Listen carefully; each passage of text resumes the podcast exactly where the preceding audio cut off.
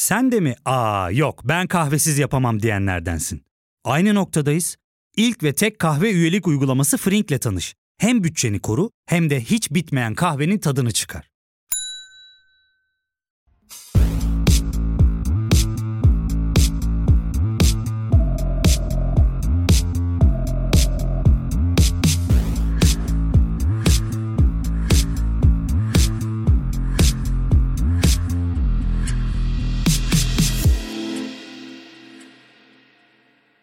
Amında oyalanmak istiyorum. Kayıp bir çocuk gibi. Çıkmaz bir sokakta. Bir salyangozun yeryüzünden kendini çekişi ve sonsuzcasına kabuğunda ıslanarak dönüşü gibi. Hey, amında oyalanmak istiyorum. Gecenin içinde çarka çıkan rüzgar, kalbi hızlı atan bir kaldırım gibi. Sadece amında oyalanmak istiyorum. Korkum yalnızlığımı kalabalıklaştırmışken ve çiçekler göğsüme intikal etmişken, kuruyan karanlık ışıltısını kaybetmiş umut, ben amında oyalanmak istiyorum. Bir yaprağın sonbaharda oyalandığı gibi umudu ıslak tutmak için. Yüreğimde bir meydan okuma. Sevgi, sevgisizliğimi kuşatmış. Ama ben amında oyalanmak istiyorum. Yaraları bir labirentte oyaladığım gibi.'' Arzu'yu dinlediniz. Lezbiyen erotik şiiri konuşacağımız bu bölümün konuğu Arzu Bulut. Hoş geldin Arzu, nasılsın? Teşekkür ederim Hazal. Burada olmaktan mutluyum. Bu podcast'i yapmaktan mutluyum. O yüzden mutlu ve iyiyim. Sen nasılsın? Ben de iyiyim. Teşekkür ederim. Seninle ilk karşılaşmamız online olarak düzenlenen ve lezbiyen pornonun konuşulduğu bir oturumda olmuştu. Pandeminin ilk zamanlarıydı. O gün bugündür bir şekilde iletişimdeyiz ve paylaşmaya devam ediyoruz. Uzun zaman önce trans lezbiyen konu başlığında bir bölüm yapmayı konuşmuştuk. Ancak aradan geçen zamanda konumuzun senin de isteğinle lezbiyen erotik şiir olmasında karar kıldık. Lezbiyen erotik şiir derken nasıl bir şiir yazımından bahsediyoruz? Öncelikle bu göreceli yani romantik erotik dediğimiz şiir yazımları var. Daha romantik şiir yazımlarında erotik duyguyu hissedebilirsiniz, hissedilebilir. O yüzden şiirin kendisinin karşı tarafta bulduğu tesir burada biraz belirleyici oluyor. Ama benim için lezbiyen erotik şiir şehvetin, hassın, şiirin hangi formu fark etmeksizin içinde işlendiği, çalıştığı, var olduğu şiir yazımları. Peki dünyada ve Türkiye'de lezbiyen erotik şiirin nasıl örnekleriyle karşılaşıyoruz? Lezbiyen erotik şiirin temsilcileri diyebileceğimiz senin de mutlaka okuyun takibe alın dediğin isimler kimler? Zamanında lezbiyen erotik şiir olarak adlandırılmayan ancak bugünden bakıldığında aslında burada bahsedilen lezbiyen erotizmidir diyebileceğimiz örnekler var mı? Ve tabii ki seni etkileyen şairler kimler oldu? Sana bir sürü soru İlk şuydu. E, lezbiyen erotik şiirin nasıl örnekleriyle karşılaşıyoruz? Güzel sorular peş peşe e, hani böyle yağdırmışsın. Güzel gelmiş peş sıra. Dünyada ve Türkiye'de lezbiyen erotik şiirin birçok örnekleri var ama daha çok bunlara queer poetry deniyor ya da işte lezbiyen şair vesaire deniyor. Bu da aslında dünyada bence şiirin içinde şiirin erotik olmasının kendisinin dışarıda şiirin kendisine bir kimlik olarak atfedilmediğine dair. Burada bir tutuculuk, bir muhafazakarlık var. Romantik şiirin kendisine romantik şiir, lezbiyen romantik, queer romantik diyebiliyorken lezbiyen erotik şiir denemiyor. O yüzden lezbiyen erotik şiir örnekleriyle karşılaşamıyoruz bir internette search ettiğimizde, gezindiğimizde. Ya Ama, da böyle bir antoloji falan evet, çıkmıyor evet, değil mi karşımıza? Evet, evet Hı-hı. maalesef çıkmıyor. Uzun süre epey araştırdım. İngilizce bilmiyorum. Yeni öğrenmeye çalışıyorum. Çatpat İngilizcemle ama maalesef bir şeylere erişemedim uzun zamandır. Daha çok queer erotik şiir örnekleriyle karşılaşıyoruz. Lezbiyen erotik şiirin bu anlamda temsilcileri diyebileceğimiz temsilcileri benim için yok. Yani böyle bir temsiliyet kurulmamış çünkü daha çok queer erotik yazımı çok güçlü bir şekilde var. Ama ben Sapo diyebilirim yine de kendimce. Sapo daha kendi tarzında hani romantik yazıyor olsa da içeride böyle gizemli bir alttan alta şehvetin ve hazzının geldiğini görüyoruz. Lesbos adasına böyle dalga dalga vuran dalgacıklar gibi. Sapo'yu öneriyorum ben. Nedir? Gene deli gönlümü çelen adlı bir kitabı var Türkiye'de. Şu an yayın evini unuttum. Türkçe'ye çevrilmiş. Yine Deli Gönlümü Çelen. Nedir gene deli gönlümü Çelen diye. Ondan sonra senin de tanıdığın Carol Ann Duffy var. Çok severim. O da daha çok böyle romantik, gizem, karamsar yazıyor ama onun şiirlerinde de ben şeyi görüyorum. Erotizmi ve şehveti görüyorum ve benim için erotik lezbiyen şiirleri var diyebileceğim bir şair. Kendine lezbiyen, aşık diyen Amerika'nın en serseri kadını tabii ki Audre Lorde var. Audre Lorde'nin şiirleri de daha çok böyle romantik aslında ama o romantizmin içinde de büyük bir şehvet, kadın kadına şehvet, haz var. Kendisinin konuşmalarından oluşan kitabı Türkçe'ye çevrildi. Kitabı değil de aslında Atonom Yayıncılık Audre Lorde'nin birçok konuşmasını, röportajını bahis dışı kız kardeşler olarak çevirdi. Muhakkak okumanızı tavsiye ederim.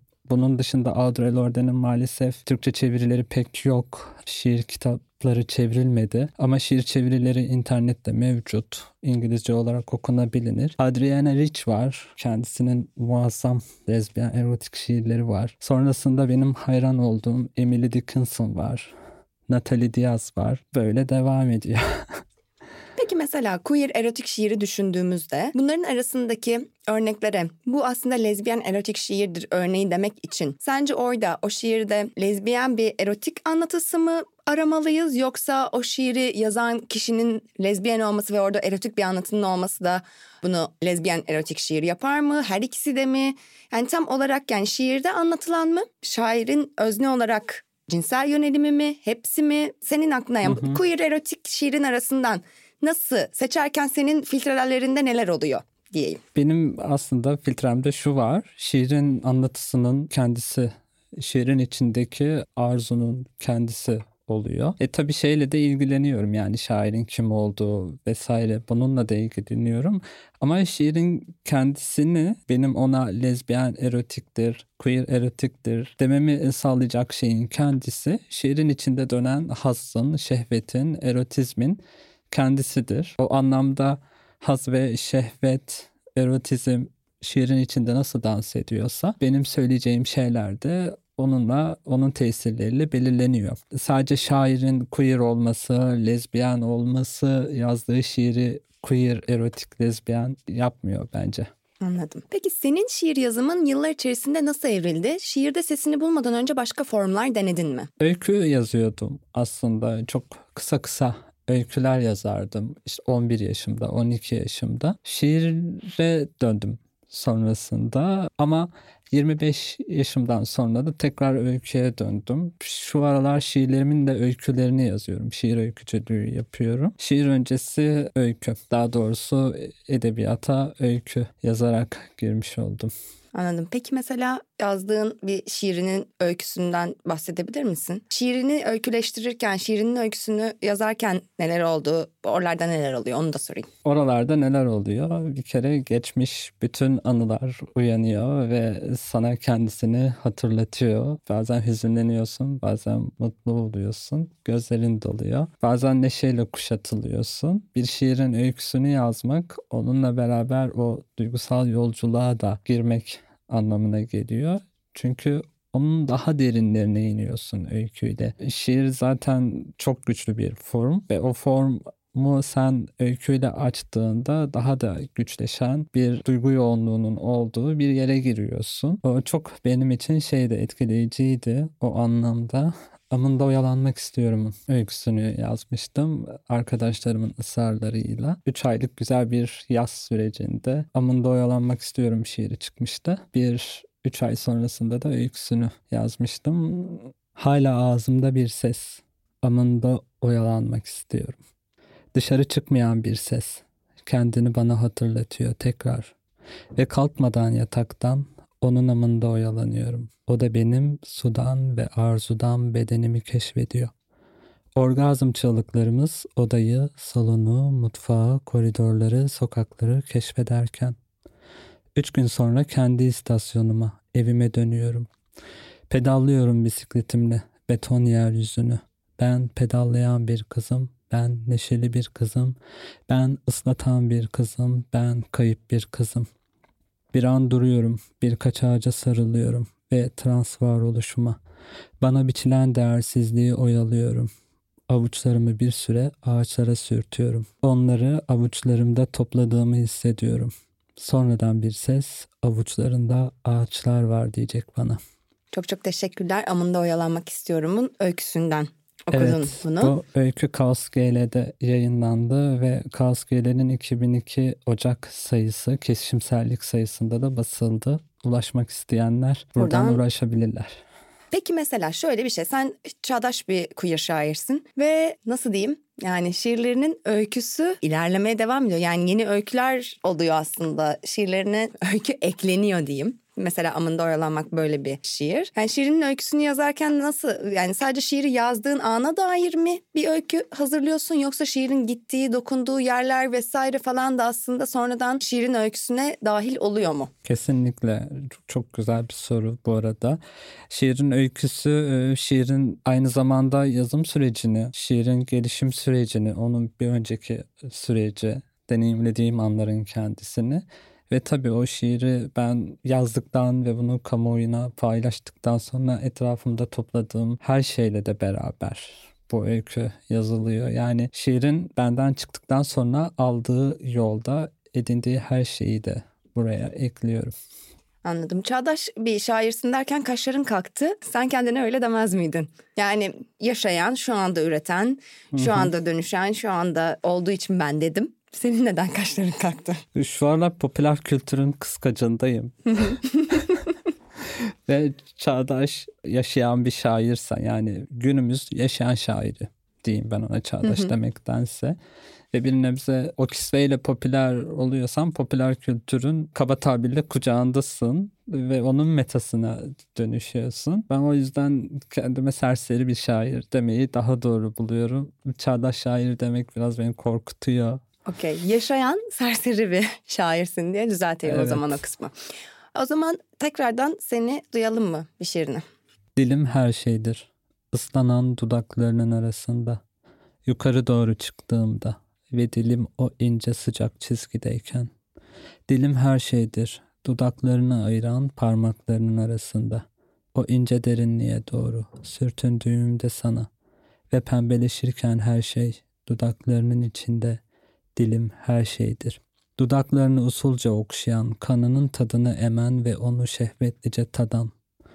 Dilim her şeydir.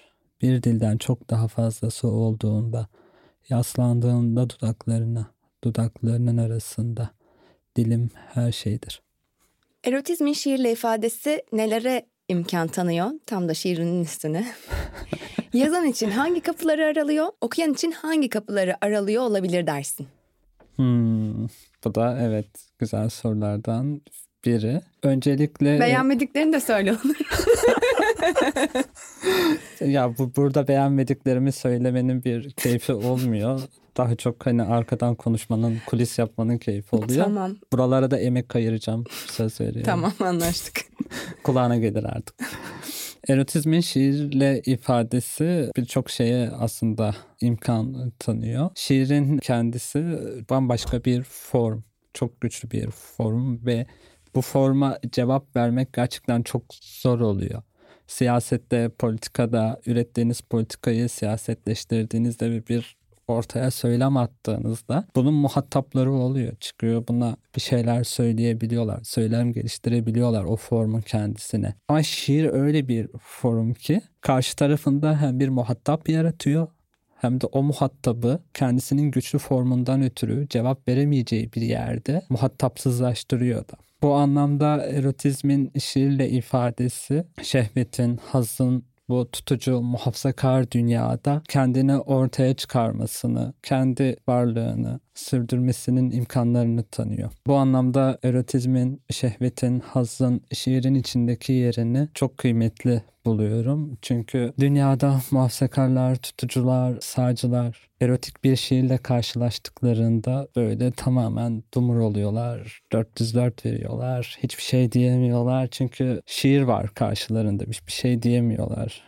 Ancak şiir yazmaları gerekir belki ama şiir yazamıyorlar. Böyle güçlü bir şey veriyor. Var etmenin imkanını veriyor. Kamusal alanda erotizmin kendisini var etmenin imkanını tanıyor. Yani oyun bozan da diyebiliriz aslında değil mi? Evet, evet diyebiliriz. Şiirlerinde en çok geçen kelimelerden biri arzu, adın arzu. Neyin arzusuyla yazdığın farklılık gösterse de şiirlerini arzuyla yazıyorsun. Şiirlerin altındaki notla arzuyla diyorsun vesaire. Arzudan bahseder misin? Arzuyu, arzuyu, arzularını konuşalım istiyorum. Bir de şunu sormak istiyorum. Şimdiye kadar arzu demekten kaçındın. Bu soru için miydi diye de merak ettim. Ay güzelmiş. Ay yok yani hayatımın her anlamında arzuyu cümleler içinde örgütlemiyorum. Yani tamamen denk geldi vallahi. Anladım. Ko- Okay. Şey yapmaya çalışmadım. Evet şiirlerimde en çok arzu geçiyor. İşte birçok şeyin arzusuyla yazıyorum. Arzudan bahsetmek gerçekten hani çok zor. Yani bunun arka planında işte Lacan okumam gerekiyor. Hegel okumam gerekiyor. Lacan'dan bir kıple giriyormuşsun şimdi. Tabii canım.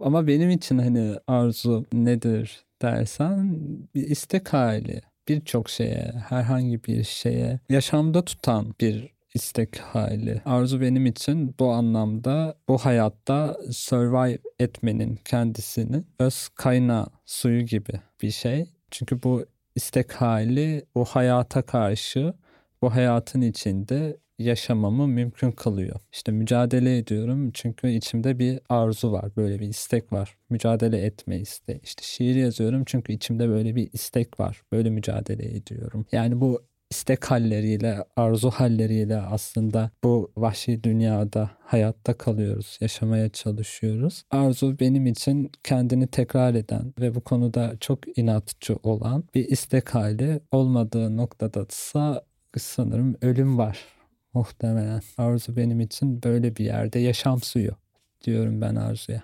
Anladım. O zaman senden transseksüel bir goncadır bedenlerimiz şiirini dinleyebilir miyiz? Tabii.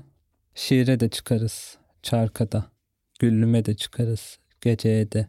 Kıvılcıma kaçar. Yangına çıkarız. Mavinin ufkunu, pembenin bozan neşesini unutmayız.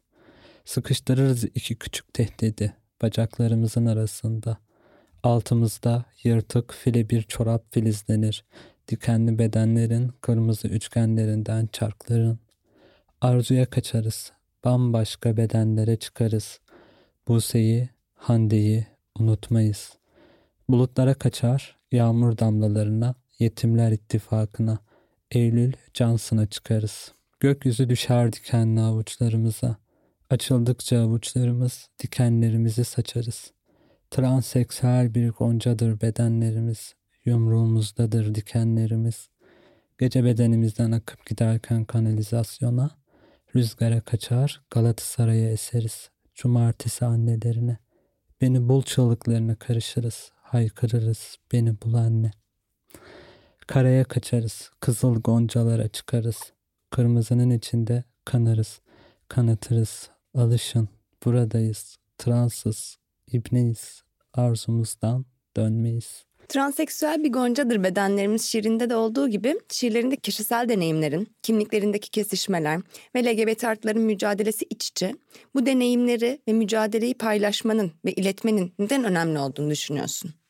Çünkü bunun aldığı formun kendisinin çok kuvvetli olduğunu düşünüyorum ve bunun da o mücadelenin kendisine dahil olduğunu, onun bir parçası olduğunu, hatta onun sesi olduğunu yani mücadelenin sesi sadece mücadelenin teorisi ya da onun izlediği yol değildir. Aynı zamanda onun içinde üretilen her şey de o mücadelenin kendisine dahildir. Ben şiirin yarattığı muhatap ve onu muhatapsızlaştırdığı haliyle siyasetten bile çok güçlü olduğunu düşünüyorum. Gerçek güçlü bir şiirin gerçekten tesirinin birçok yere sirayet edebildiğini ve birçok şeyi dönüştürebildiğine de inanıyorum. Bu anlamda mücadelenin sesi olan şiirin tesirinin önemine inanıyorum. Ya fark ettin mi? Biz en çok kahveye para harcıyoruz. Yok abi, bundan sonra günde bir. Aa, sen Frink kullanmıyor musun? Nasıl yani? Yani kahvenden kısmına gerek yok.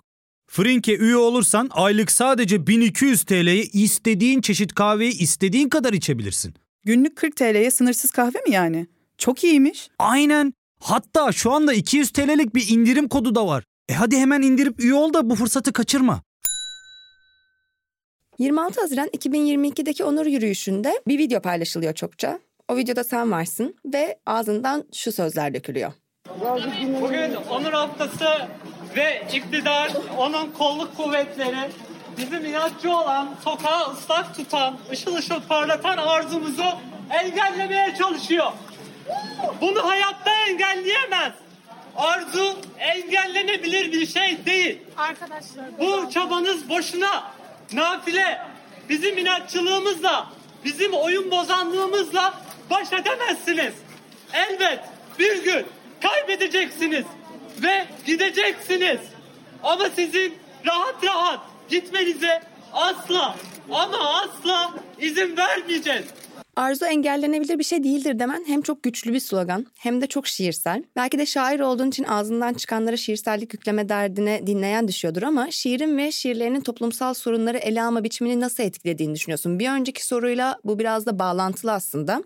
Buraya yani stüdyoya geldiğinde de aşağıda konuşmuştuk. Bana Hazalo'nun bir adı var poetik eylem demiştin.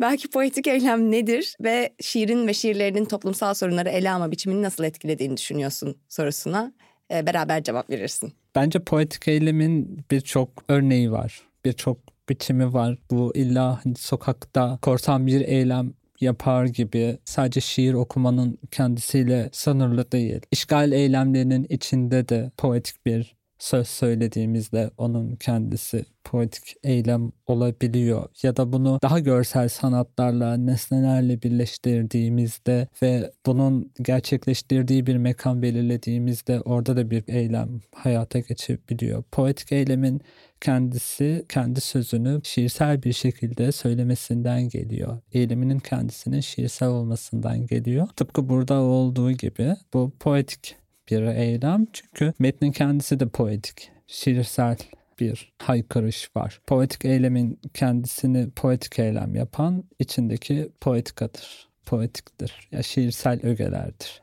Türkiye'de queer şiire dair ne söyleyebilirsin? Queer şiir geleneğinden ne kadar bahsedebiliriz? Sen kendini bir yere ait hissediyor musun? Edebiyat dünyasının seni hayal kırıklığına uğrattığını ve seni yalnız hissettirdiğini biliyorum. Kendine bir alan inşa edebiliyor musun? Hmm. Buralara geldik. Evet buralara geldik. Türkiye'de queer şiire ne söyleyebilirim? Gerçekten bilemiyorum. Türkiye'de queer şiire ne söyleyebilirim diye. Çünkü Türkiye'deki queer şiir yazımlarına nedense queer şiir denmiyor. Böyle bir sahipleniş yok. Böyle bir alt kültür nedense oluşmuyor. Queer şairler var mı? Var. Yazıyorlar mı? Yazıyorlar. Güçlü şairlerimiz var mı? Var. Yazmışlar mı? Yazmışlar. Ama nedense böyle bir şey gelişmedi. Şu an gelişmekte olduğunu görüyorum. Burada Velvele Edebiyat Kolu'nun iki yıldır sürdürdüğü queer şairleri şemsiyesi altına topladığı ağ var, şiir paylaşımı ağı var. Bunun çok büyük katkısı olduğunu düşünüyorum. Türkiye'deki queer şiir geleneğinden çok bahsedemem maalesef. Çünkü böyle bir gelenek yok. Sadece şairleri biliyoruz. queer şairleri biliyoruz. Bu queer şairlerin bir araya geldiği, queer şiir etkinlikleri yaptığı bir şeyi, böyle bir geleneği bilmiyoruz mesela bunlar yok. O yüzden Türkiye için bir queer şiir geleneğinden bahsetmek benim için kolay değil. Ben açıkçası Türkiye'deki şair cemiyetinin içinde kendimi bir yere ait hissetmiyorum. O benim için normal bir formu olan bir cemiyet, tutucu bir cemiyet, muhafazakar bir cemiyet. Ben onun dışında daha punk da yazıyorum. Serserice yazıyorum. Muhafazakarlığı, tutuculuğu kapımın dışına atmışım. Bu yanıyla kendimi zaten o cemiyetin içinde hissetmiyorum. Bu yanıyla o cemiyetin kendisinin benden hiç haz etmediğini de biliyorum. Edebiyat dünyasının beni hayal kırıklığına uğrattığı nokta ilk şiirlerimi ortaya çıkardığımda şair cemiyetinin bunları görmüyor oluşlarıydı. Birçok yerden şiirlerim geri çevrildi. Bazıları hani neden geri çevirdiğine dair yorumda bulunmadı. Fanzin kültüründe geri çevirmek çok yoktur bir şiir, bir edebi metnini. Ama çok üzülerek tanık oldum ki bir şiirim bir fanzinden de döndü. Yani o formun içinde, o cemiyetin, o çemberin içinde değilseniz maalesef şiirleriniz yayınlanmıyor. Deneyimlerimde daha çok birbirini tanıyan ilişkilerin, şiirlerin yayınlandığını gördüm ve hep aynı isimler. Bir şiir dergisi dördüncü sayım çıktı der. Yine aynı şiire yer vermiş. Fanzin keza yine öyle. Belli şairleri toplar. Siz sürekli şiirlerinizi gönderirsiniz. Sizi 3 ay, 4 ay kapısında bekletir ve şiirlerini de yayınlamaz. Yayınlanır dergi bakarsanız yine tanıdığının şiirini yayınlamış ve böyle devam ediyor, böyle gidiyor. Kendime bir alan inşa edebiliyor muyum? Ben dünyayı istiyorum ya. Yemişim alanları yani. ben varım. Şiirlerimle varım. Alanlar onların olsun. Yani ben okyanusun kendisiyim. Bir alan yaratma bu anlamıyla derdim yok kendim için. Kendi yalnızlığımda da yazıyorum. Kendi neşemde de yazıyorum. Kendi arzularımla da yazıyorum. Bu cemiyetin içinde olmama, bu cemiyetin özellikle benim trans kadın olduğum için beni dışlayan bu cemiyetin içinde olmama bir lüzum yok. O zaman tufanında boğulsunlar deyip son haftalarda aslında Twitter üzerinden de dönen ama onun öncesi de olan Amında oyalanmak istiyorum şiirin etrafındaki tartışmaları senden dinleyebilir miyiz diye sormak istedim. Evet. Şiiri ne zaman yazdın yazdığından Hı-hı. belki oradan anlatırsan daha iyi olur diye düşündüm. Şiiri 2021 10 Eylül'de yazmıştım. Bir yıl olmuş. Bir yıl, bir ay olmuş. Üzerinden geçti. İşte 3-4 ay sonrasında da öyküsünü yazmıştım. Şiiri ilk paylaştığımda sosyal e, medyada özellikle siz heteroseksüel erkeklerin ve kadınların çok yoğun bir tepkisine maruz kaldım. Aslında şiddetine maruz kaldım. Nasıl bir tepkiydi? Yani nefret söylemi mi? Evet. Bunlar daha çok nefret söylemiydi aslında. Şiirimle ilgili değildi. Ama işte şiirimde çıkan am oyalanmak istiyorum. Benim trans kadınlığım. Bunları bir araya getirip bu insan sapıktır. Bu insan şair olamaz. İşte bu çok terbiyesizce bir şey çok muhafazakarca yaklaşıldı ve sürekli bu anlamda hedefe oturtuldum. İşte bu nasıl bir kadın? Nasıl böyle bir şiir söyler? Ama işte bu kadın değil ki. Bu haliyle kendine kadın diyor. Bir de işte amında oyalanmak istiyorum diyor. Bir e, trans kadın nasıl lezbiyen olur? Bu işte aslında kadın avcısı. Buna inanmayın. Bunun şiiri de işte bizim aile yapımızı bozuyor. Ahlak yapımızı bozuyor. Bu insanın gözaltına alınması gerekiyor birilerinin buna haddini vermesi gerekiyor falan filan derken iş tamamen şiddet tehditlerine vardı. Ölüm tehditlerine vardı ve sırf bu muhafazakar ve tutucu toplumda amında oyalanmak istiyorum diye bir şiir yazdığım için de değildi. Doğrudan benim trans kadın olmamla ilişkiliydi. Şiirim bana saldırının aslında bir aracı, bir bahanesi haline dönüştürüldü. Gerekçeli bir durum haline getirildi. Yani biz bu insana saldırıyoruz çünkü bu insan böyle bir şey yaptı. Aslında bu toplumsal bir tehdittir. Çünkü amında oyalanmak istiyorum ifadesi bir tecavüz tehdididir denmeye başladı. Sonra törfler, trans dışlayıcı, radikal feministler işte onları artık feminist diyor muyuz? Anti-translar. Anti-translar Benim doğru teşekkür son dönemde tuttuğum. evet evet evet anti-transların hedefine girmiş oldum. Onlar da yine heteroseksüel erkekler işte bana saldıran heteroseksüel kadınlar gibi. Bu bir tecavüz tehdididir bu şiir. Bu kişi yargılanmalı diye Adalet Bakanlığı'nı, İçişleri Bakanlığı'nı etiketlediler. Bayağı üzerimden böyle bir propaganda, kara propaganda yürütüldü. Ölüm tehditleri aldım. Çok ön şiddet tehditleri aldım. Bir dönem evden çıkamadım. Sokakta tanınır hale gelmiştim. Sonrasında ben bunlara artık hani tepki göstermeye başladım ve aslında anti transların yaptığı şeyin kendisinin bana işte heteroseksüel erkeklerin ve kadınların yaptığından çok farklı olmadığını, burada bir transfobi olduğunu, tüm bu sürecin transfobiyle ilişkili olduğunu ve transfobinin müşteriyi, ortağı herkesin de patriarkanın ortağı olduğunu doğrudan söyledim ve bunun adını Törfler patriarkanın ortağıdır, müşteriyidir,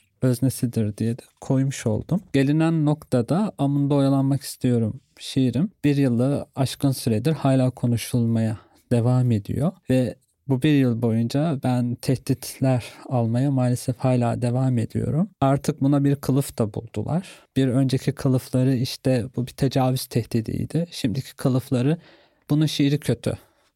Biz kötü diyoruz. Ama kimse neden kötü olduğunu açıklamıyor. Bir yıldır kötü denen bir şiir var Ama bir yıldır nedense içlerinden biri çıkıp da neden kötü olduğunu yazmıyor. Kötü bir şiir bir yıldır nasıl konuşulabiliyor? Hani nasıl gündemde? Bunları gerçekten anlamakta zorlanıyorum. Çok açık bir şekilde şiirin bana saldırının bir aracı haline, bir bahanesi haline geldi ve Türkiye'deki şiir cemiyetinden şairler buna sessiz kaldılar. Bunu da anlamakta çok zorlanıyorum. Bu çok büyük bir ayıp. Yani o şiir cemiyetin içinde olanların ayıbı olsun. Bir yıldır konuşulan bir şiir var. Şairsiniz. Tek kelime yetmiyorsunuz.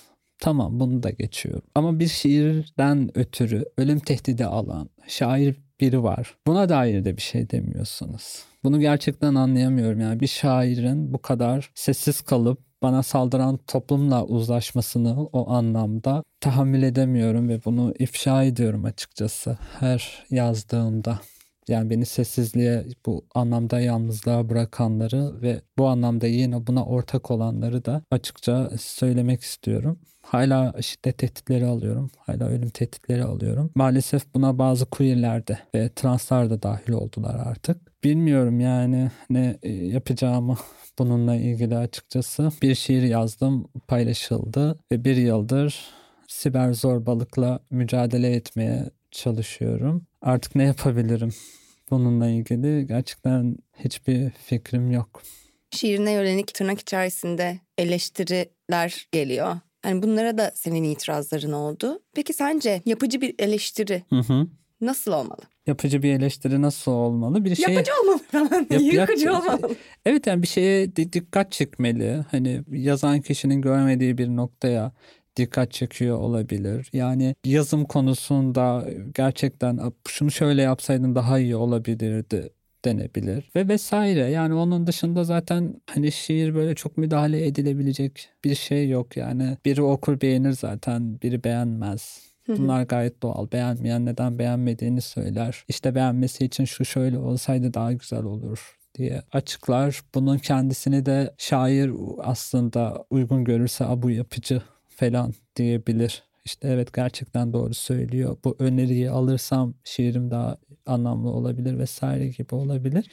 Evet yani gerçek anlamda bir şeye dikkat çekiyorsa, yapıcıysa, yapıcı bir eleştiriyle geliyorsa bunlar kıymetli. Tabii ki hani şiiri beğenmeyen de beğenmediğini söyleyebilir. Neden beğenmediğini açıklayabilir. Yapıcı eleştirilerde, yorumlarda bulunabilir. Ama bir yılı aşkın süredir bir trans şairin bir şiirinden ötürü transfobik saldırıya maruz kaldığı bir atmosferde bu saldırıyı yapanların işte tecavüz tehdidini kisve olarak kullanması, onun şiirinin kötü olmasını kisve olarak kullanması görülmeli ve bu da açıkça eleştirilmeli. Benim derdim insanlar niye benim şiirime kötü diyor değil.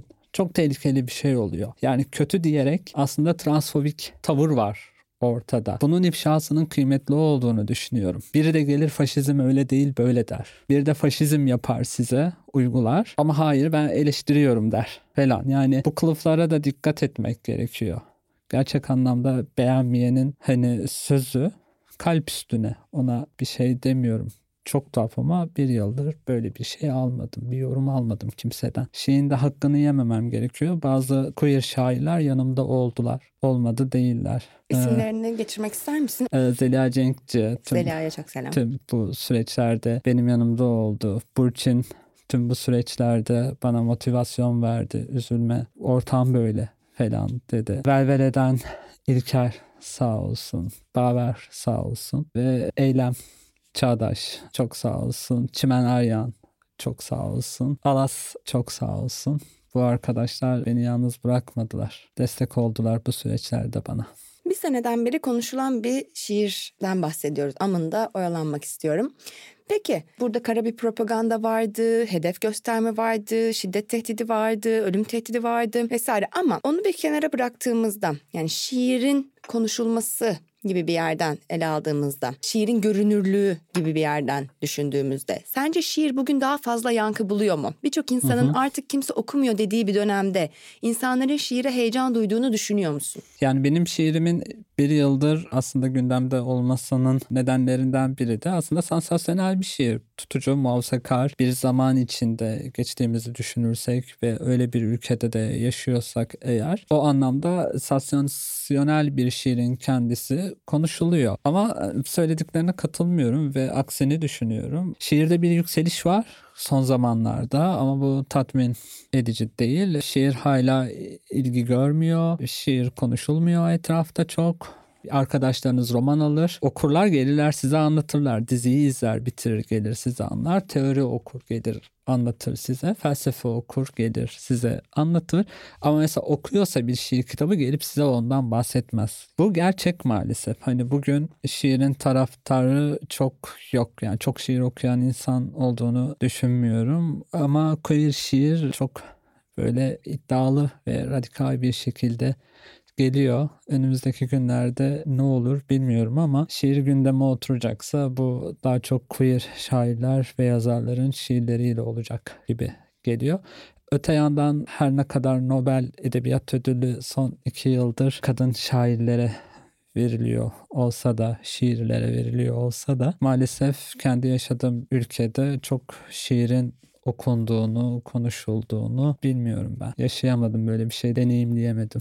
En az bir şair olarak da deneyimleyemedim. Hani benim gündemimde şiir çok var. Ama mesela çevremden insanlarda şiir hakkında bir şey duymuyorum. Yani gelen benim şiirim hakkında bana bir şeyler soruyor falan filan. Anladım. E, demin sosyal medyadan bahsettin. Ve mesela diğer işte romana, işte diziye vesaireye göre tabii ki de uzun şiirler de var ama formundan dolayı daha kısa olması kaynaklı sosyal medyada aslında daha rahatlıkla görünürlük elde edebilecek bir form şiir. O yüzden queer bir şair olarak sosyal medya platformlarıyla ilişkinin olumlu veya olumsuz yönlerinden bazılarından bahseder misin? Olumlu yanlarından bahsetmek istiyorum. İnternetin özellikle buna sadece sosyal medya demek çok doğru gelmiyor bana. Güzel. İnternet böyle bir şey gibi hani okyanus gibi ve birçok platform var aslında. O platformlarda şeylerinizi paylaşabiliyorsunuz. Orayı kendinize bir pencere yapabiliyorsunuz. Bunun için kimse sizden para istemiyor. Bunun için birilerinden bir onay beklemiyorsunuz. Öyle bir sürece girmiyorsunuz. Dergilere yayınlatmak zorunda değilsiniz. Kendini beğenmiş. Dergilerin kapısında beklemek zorunda değilsiniz mesela. Zaten telif vermiyorlar, bir şey yapmıyorlar falan. Kendi aslında pencerenizi yaratarak zahmetsiz bir şekilde şiirlerinizi birçok insana ulaşmasını sağlayabiliyorsunuz. Yani bir derginin, bir fanzinin ulaşabileceği insan sayısından kat kat daha fazla insan sayısına insana ulaşabiliyorsunuz. O anlamda kendi çerçevenizi de siz oluşturabiliyorsunuz internette. Kimse gelip size sansür uygulayamıyor. Kimse gelip müdahale edemiyor. Editinize vesaire bir şeye karışamıyor. İstediğinizi yapabiliyorsunuz. Bu anlamıyla açtığı alan çok kıymetli internetin. Bu en büyük olumlu yanlarından biri. Ama olumsuz yanıysa birçok insana ulaştığınız gibi aynı zamanda birçok insanın açık hedefi de halindesiniz. Çünkü doğrudan size yazabildikleri bir şey var, kanal var. Bu her zaman iyi bir şey değil. Hele de queer şairseniz zaten açıkta oluyorsunuz internette ve açık hedefsiniz. Bugün dünyada homofobi diye bir şey var transfobi diye bir şey var. Ve queer şair olarak internette açık hedefte olmak, bu saldırılara da maruz kalmak anlamında oluyor. Bunu sadece ben yaşamıyorum. Amında oyalanmak istiyorum üzerinden. Birçok queer şair bunu yazıyor. Bu homofobiye, transfobiye vesaire uğruyor. Bir böyle bir şey var olumsuz yanı var. İşte size açık hedef yapışı. Bir diğer yanı da daha böyle hani popüler kültürün çemberinde gibisiniz sosyal medyada, internette. O onu geçicilik, uçuculuk gibi bir şey evet, mi? Evet yani çabuk tüketiliyorsunuz. Kimse sizi sindire sindire okumuyor mesela. Alıyor, okuyor, atıyor. Buna dair bir şey yazmıyor, söylemiyor. Bu da işte tüketilen şiirler yaratıyor. İşte tüketilen edebi metinler, teorik metinler vesaire böyle de bir havuz var. Bu da çok sıkıntılı. Sosyal medyada popüler kültürün çok etkisi var ve insanlar da buna göre bir edebi metni alıyorlar maalesef. Yani internette popüler kültürün çok yaygın oluşu olumsuz yanlarından da biri. Çok çok teşekkür ediyorum Arzu bu bölümün konu olduğun için. Son sorum var. İlerleyen süreçte ne olacak gibi duruyor? Arzu'yu, seni, Arzu'nu, şiirlerini, şiir üzerine sözlerini nerelerde duyacağız? Var mı belli olan bir şeyler? Nerelere bakmaya devam edelim? Daha çok şiiri sanatla, görsel sanatla ve nesnelerle buluşturmaya çalışıyorum son zamanlarda. Bununla ilgili çalışmalarım var. Olursa birkaç sergi, şiirsel sergilerle tekrar karşılaşmayı umuyorum. Bir kitap çalışmam var bitirdiğim takdirde yayınlamayı düşündüğüm. Öte yandan şiir performanslarım var. Yakın zamanda Yapı Kredi Kültür Sanat Galeri'de Hayat, Ölüm, Aşk ve Adalet sergisinin konuğu olacağım. Bir şiir performansım ve söyleşim olacak. Sonrasında Aralık'ta Kıraathane İstanbul Edebiyat Evi'nde yine bir şiir performansım olacak. Buralara da gelmenizi isterim. Daha çok böyle işte performans ve görsel nesnelerle sanatla iç içe geçireceğim bir şeye hazırlanıyorum ve umarım yapar ve sizinle de karşılaştırırım, tanıştırırım bu üretimleri. Çok çok teşekkür ederim tekrardan. O zaman kapanışı sen nasıl yapalım istersen. Hmm, tamam kapanış bende. Okey son bir şiir okuyacağız öyleyse. Hiçbir şey istemiyorum. Sadece rüyama gel. Konuşmak istediğim birkaç şey ve göstermek istediğim yapraklar var. Hiçbir şey istemiyorum. Sadece gözlerime bak. İçindeki boşluğa, en dibinde ışıldayan bir damla, müşterek bir yasa ait. Fark et, içinde öfke de var. Hiçbir şey istemiyorum. Sadece bir sokağın köşesinden dön. İyi dön ama. Sokakta hissetsin. Sana hissettirmek istediğim rüzgarlar ve tanıştırmak istediğim inatçı binalar var. Hiçbir şey istemiyorum. Bir yol ayrımına gel. Gel, gör beni. Karla karışık yağmurun altında. Sadece sana soğuğu anlatmak istiyorum. Kalbim kıvılcımlarında doluyken.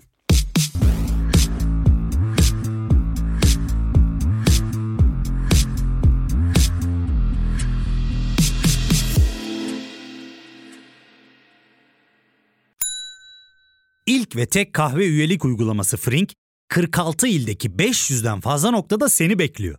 Açıklamadaki kodu girerek sana özel 200 TL'lik indirimden faydalanmayı unutma.